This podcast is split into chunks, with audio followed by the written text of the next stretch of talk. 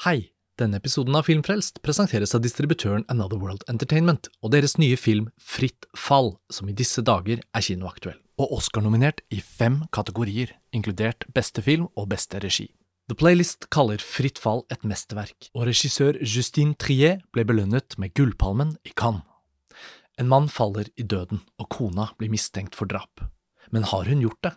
Fritt fall er en dramatisk thriller som utforsker dødsfallets skyldspørsmål på en original måte. Sandra Hyller briljerer i hovedrollen, og i spenningen mellom familie og rettssalsdrama blir Fritt fall en av vinterens beste filmopplevelser.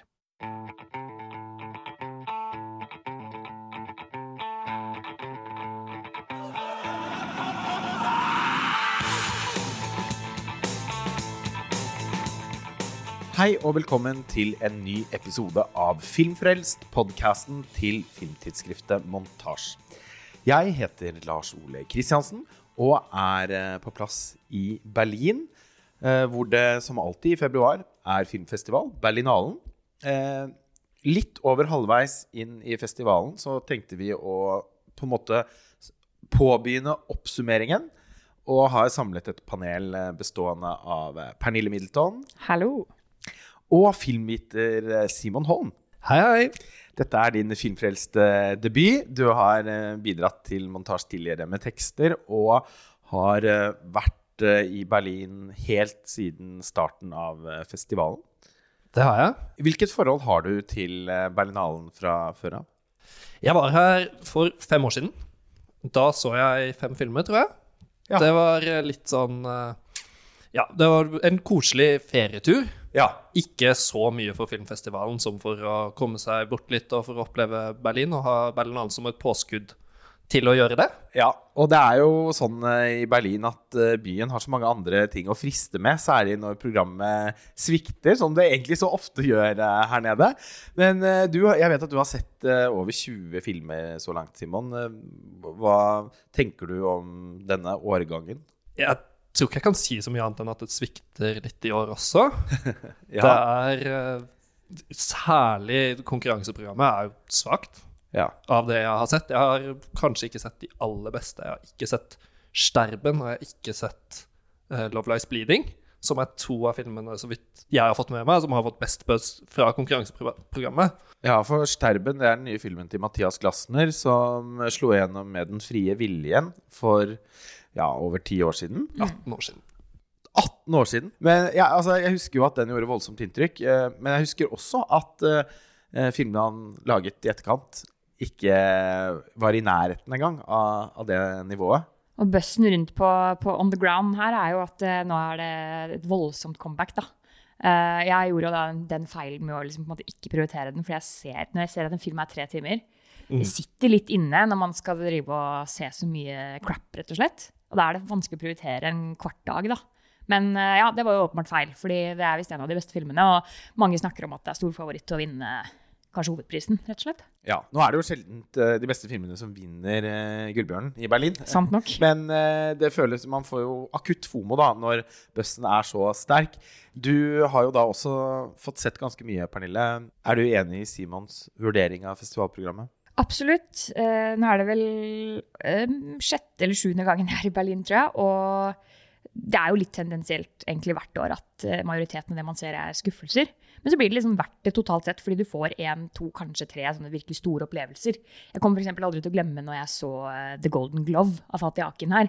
Som ikke er en sånn perfekt film, men det er bare en sånn fantastisk festivalopplevelse. på en måte. Eller den gangen jeg ikke kom inn på By Name, f.eks. Så, så Berlinalen har jo også virkelig Det, leverer jo også varene på, på, en måte. Og man får sett så mye man ikke får sett ellers, og i hvert fall ikke hjemme. Det, majoriteten av det vi har sett her, kommer jo sannsynligvis ikke til å komme på kino hjemme. Det er jo faktisk en kvalitet ved Berlinalen som eh, f.eks. Venezia ikke kan skilte med. Da. Det har jo i større og større grad egentlig blitt som et kjempestort filmtreff. Mm. Eh, det er ikke, sikkert ikke alle lytterne som er kjent med hva et filmtreff eh, er for noe. Det er kinosjefenes sammenkomster i løpet av året der de ser filmer som skal komme på kino om noen uker eller måneder. Og når eh, Venezia i større og større grad blir en sånn start på Oscarsesongen, så føler man jo egentlig at man går og ser førpremierer, mm. eh, og i veldig liten grad oppdager sjeldne filmer.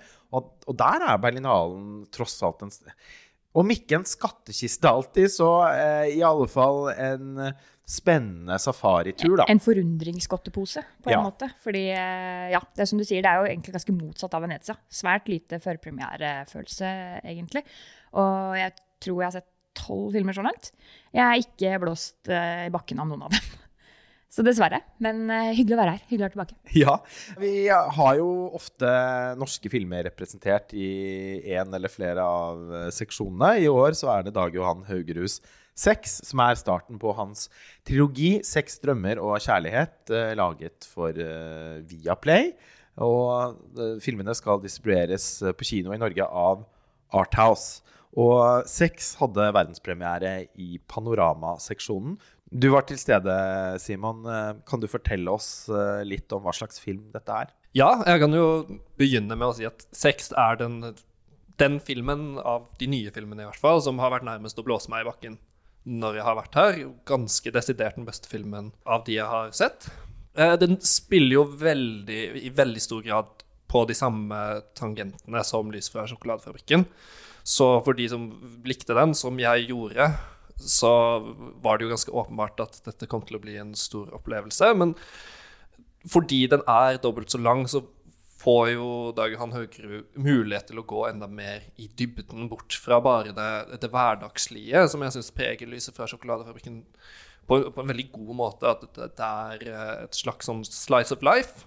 Men denne starter som et slice of life, og så klarer den å utvikle seg til å bli en eh, Både eh, mer et dypdykk i karakterene som vi møter, særlig de to mannlige hovedkarakterene, som har hver sine opplevelser knyttet til seksualitet og kjønnsidentitet. Og som er spilt av henholdsvis Jan Gunnar Røise og eh, Torbjørn Harr. Ja. Men dermed klarer den jo også å komme litt mer i dybden på det, det tematiske.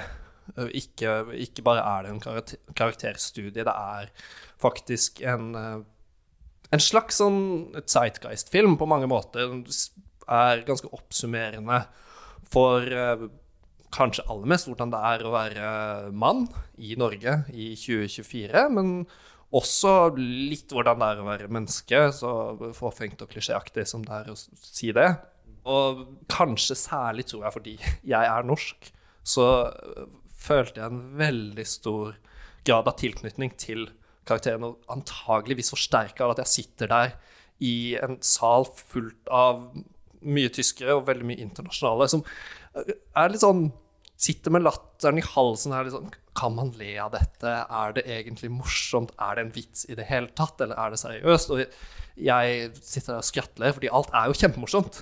Det er en veldig, veldig morsom film, som er en av hovedstyrkene, men også morsom og relatable på en måte som jeg syns også barn var, på en veldig sånn norsk måte. At den har en veldig sånn spesifikk norsk identitet. Ja.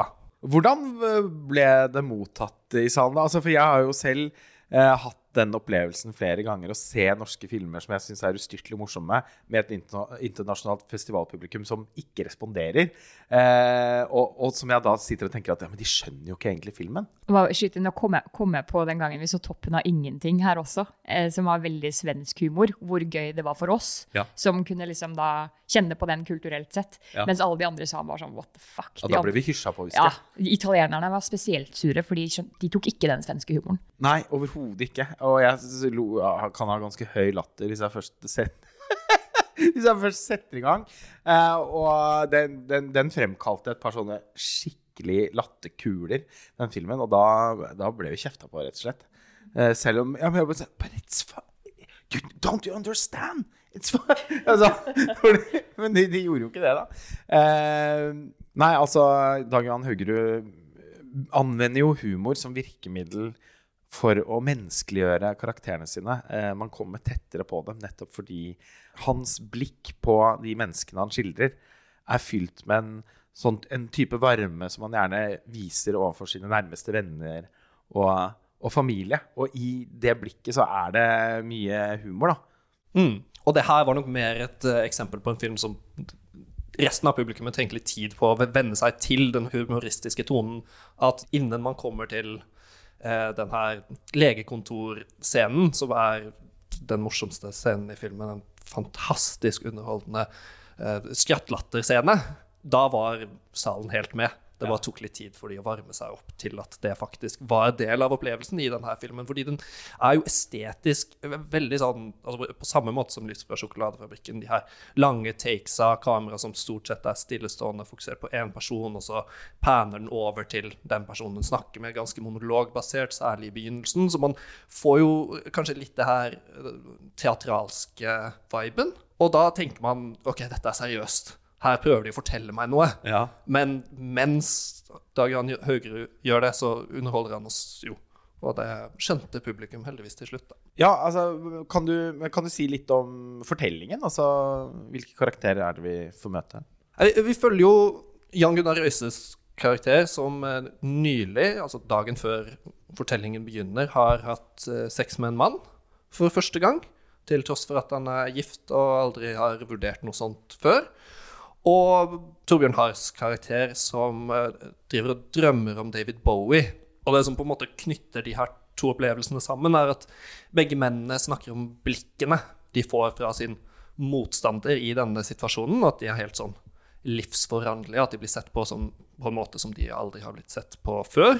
Og at dette får de til å tenke på måter som de aldri har gjort på, føle ting som de kanskje aldri har følt på. Og så oppstår det jo da problemer når de eh, tar med seg dette nye, utvida perspektivet hjem til sine ekteskap, til sine familieliv, så utspiller alt seg fra denne kjernetematikken. Og så bruker han jo Oslo veldig aktivt, som, kanskje særlig som intermezzo mellom de her tidvis lange dialogsekvensene. og Man ser bygningene, man ser trafikken, man beveger seg gjennom byen med eh, litt sånn underfundig variert soundtrack. Det er ganske vanskelig å stadfeste sjangeren. Det er, det er noe metal, noe synt, noe mer uh, popaktig. Og vanskelig å egentlig finne gangen i det. Hvis man hadde satt det sammen som et soundtrack, så tror jeg det hadde føltes veldig rotete. Men i rytmen til filmen så gjør det seg veldig godt. Man får en sånn eh, Man blir litt meddrevet, og det gir jo også en dynamikk at man får den her variasjonen i eh, det musikalske uttrykket, da. Noe metal? Noe, det, det, er ikke det jeg forventer å høre om en Dag Johan Haugre-film.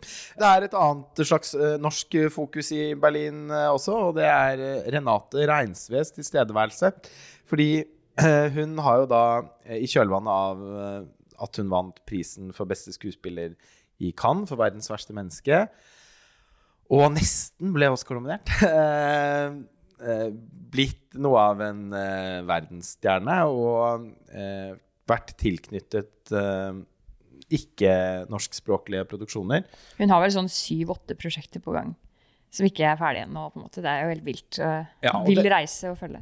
Og de to som begge har premiere i hovedkonkurransen her, er jo da på en måte de første smakebitene på den internasjonale engelskspråklige eh, Renate Reinsve. Og filmene har da blitt møtt med vilt forskjellig mottagelse. Får man si. A Different Man hadde jo egentlig verdenspremiere i Sundance, så den har jo teknisk sett bare europapremiere her. Det er jo også i og for seg en film det er ulike meninger om, men som jevnt over har fått god mottagelse. Det er i alle fall en film som folk er fascinerte av og syns er morsomt å snakke om. Mens den andre filmen, eh, Simon, 'Another End', den er det ikke så mange som har så mye positivt å si om. Heller ikke du, vet jeg. Nei, den starter jo helt sjokkerende rart med en sånn her eh, tekstplakat hvor det står 'Not Here', og så dukker det opp én bokstav foran og, en, to, og to bokstaver bak sånn at det plutselig står 'Another End'. Et sånn barneskolefilmlagingsgrep som jeg, jeg, vet ikke, jeg tenker bare på de der uh, Barbie-memesa med 'She's broken', og så setter man inn parenteser, og så står det 'He's Ken'. Det er jo Det, det er en vits. Det er rett og slett barnslig, syns jeg. Det, og det henger jo ikke det, det, gir jo ikke noe mening heller. Den handler jo om another end, at man uh, har teknologi som gjør at man kan sette sjelen til Eller minnene og personligheten til en avdød person inn i levende personer, sånn at man kan få another end på livet. At man kan få sagt ha det. Og så den her og det å sette inn 'not here' i det som Ja, de er egentlig ikke her, men det ble så veldig sånn liksom dypt. Veldig teit, rett og slett. Og det var, var en veldig dårlig inngang i filmen for min del. Og så det, det er jo ikke i nærheten av det største problemet med filmen, selvfølgelig. Man kan kanskje oppsummere det best som en sånn overlang Black Mirror-episode, men fra de senere Black Mirror-sesongene, som er veldig mye dårligere enn de tidligere. Den har det her konseptet i kjernen som egentlig er lovende, og så har den jo Jael Garcia Bernal og Renate Reinsve i hovedrollene. Det burde jo liksom, kunne gi den et slags eh, altså I hvert fall et tilknytningsnivå eller eh, litt mer potensial enn den klarer å få ut av det. For jeg er virkelig ikke sikker på hva denne filmen egentlig prøver å oppnå. Den blir aldri trist eller gripende på en måte man skulle tro den blir. Og så lager den noen sånne regler for seg selv som på en måte fratar potensialet fra konseptet. Som for eksempel så er jo hovedkonflikten kanskje bygd opp rundt at hvis man forteller de her gjenopplivede personene at de faktisk egentlig er døde, da, neste gang de sovner, så er de borte for godt. Det er hovedgreia. Høres ut som et sånn folkeeventyr. Ja, det, det blir jo litt det. Men det, da jeg leste beskrivelsen av filmen, så tenkte jeg at det skulle handle om rett og slett denne prosessen å si ha det.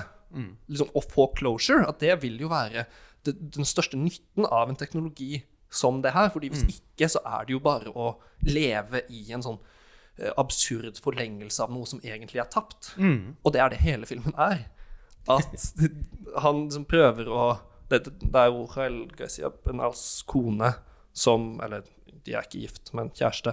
Som har dødd i en bilulykke, og så får han noe tilbake i form av Eller i Renate Reinsves kropp. Og så utvikler det seg herfra, men det utvikler seg aldri til noe bedre enn startkonseptet. Det er bare to timer med ingenting. Og så bare en sånn Det er litt sånn nitpicky, men omtrent et kvarter inn i filmen så er det en scene med en lege som greier ut om at gullfisker ikke har minne, og det er sånn man også kan se på de her uh, gjenopplivede skapningene.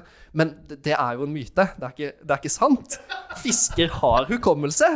Og da er det sånn Hvis vi ikke engang gidder å legge inn den graden av research, at, det, det her, at den anekdoten du legger inn, faktisk stemmer overens med den virkelige verden, så blir jeg så sinna.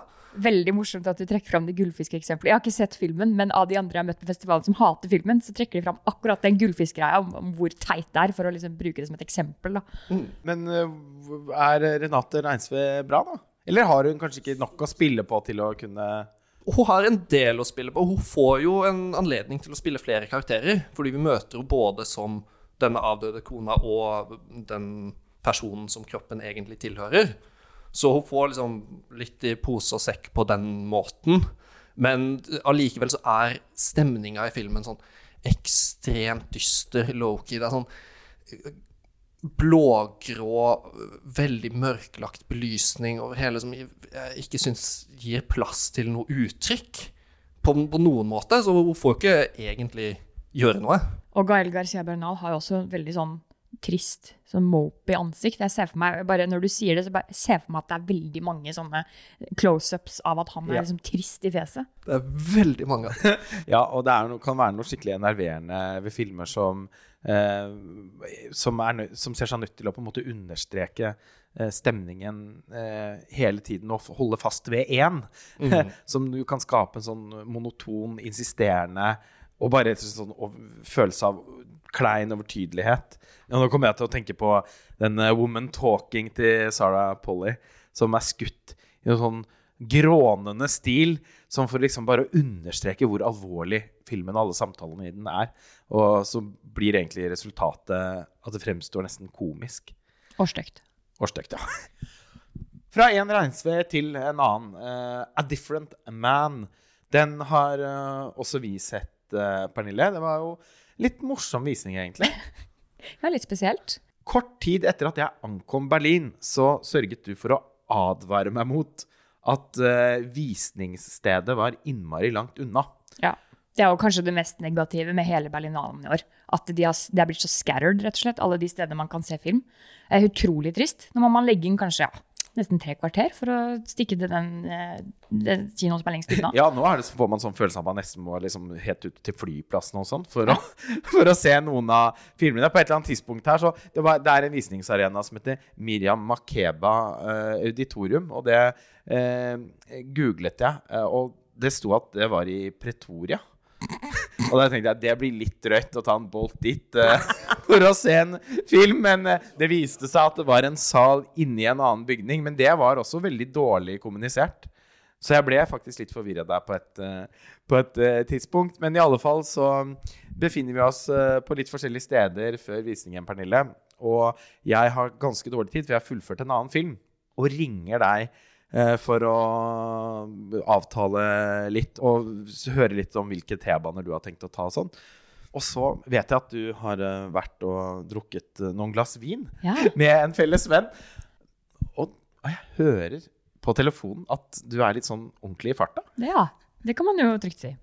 Og du kom med noen T-banetips som jeg bare tenkte at det, det, det, hun er utilregnelig. Det blir Bolt. Men jeg kom meg dit, da. Ja, men det, jeg valgte til slutt å ta en Bolt uh, for uh, å være helt sikker på å ankomme i tide. Og, uh, og det gjorde jeg eh, litt før deg. Og når du kom inn i salen, så liksom svevde du inn. Det var veldig leit å ikke kunne være i samme stemning. Ja. Det var eh, ingenting som ble servert eh, på den kinoen, for der var det faktisk Og det er jo utypisk Berlin. eh, Men der var det sånn forbudt med drikke i salen.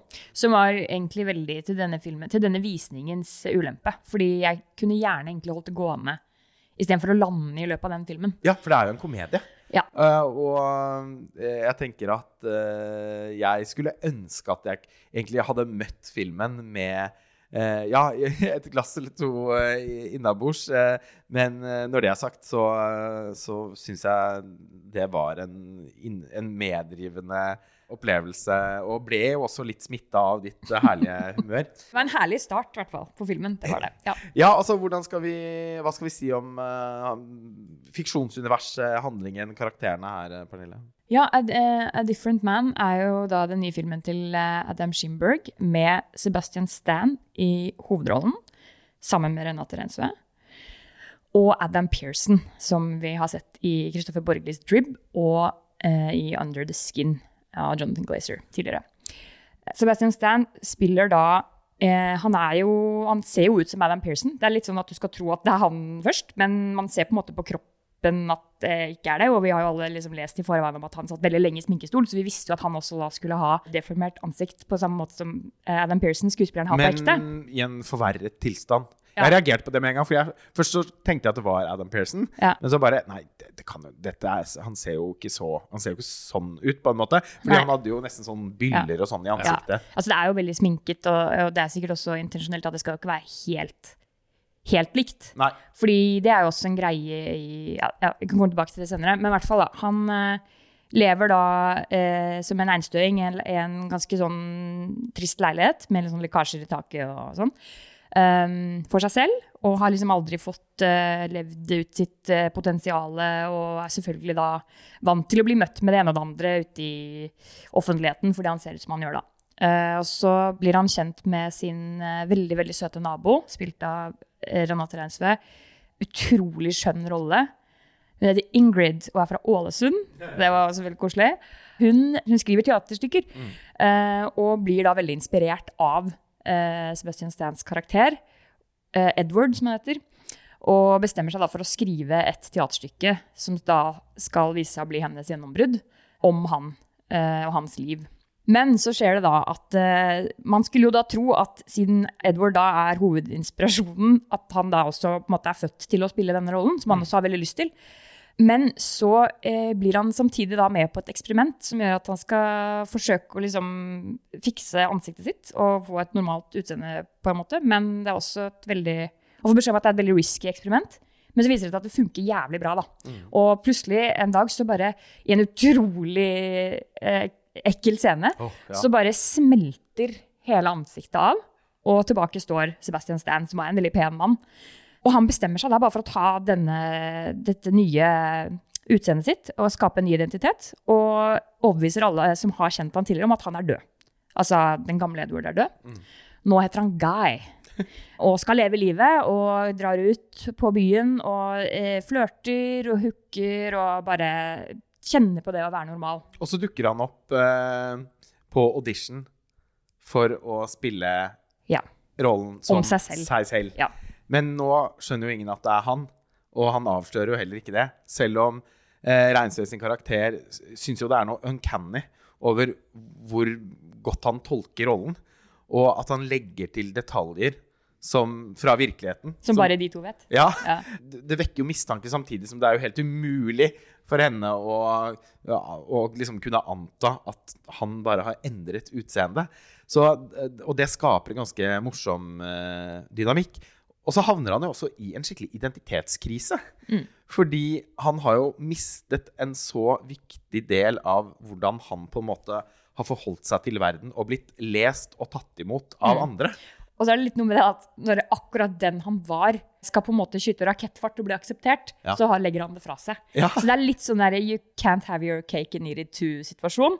For nå er det liksom sånn, ok, du valgte, nå valgte du da å, å se flott ut og få eh, et nytt, normalt liv, men da eh, mister du på en måte egentlig også den uh, muligheten for at du kunne få den suksessen, da.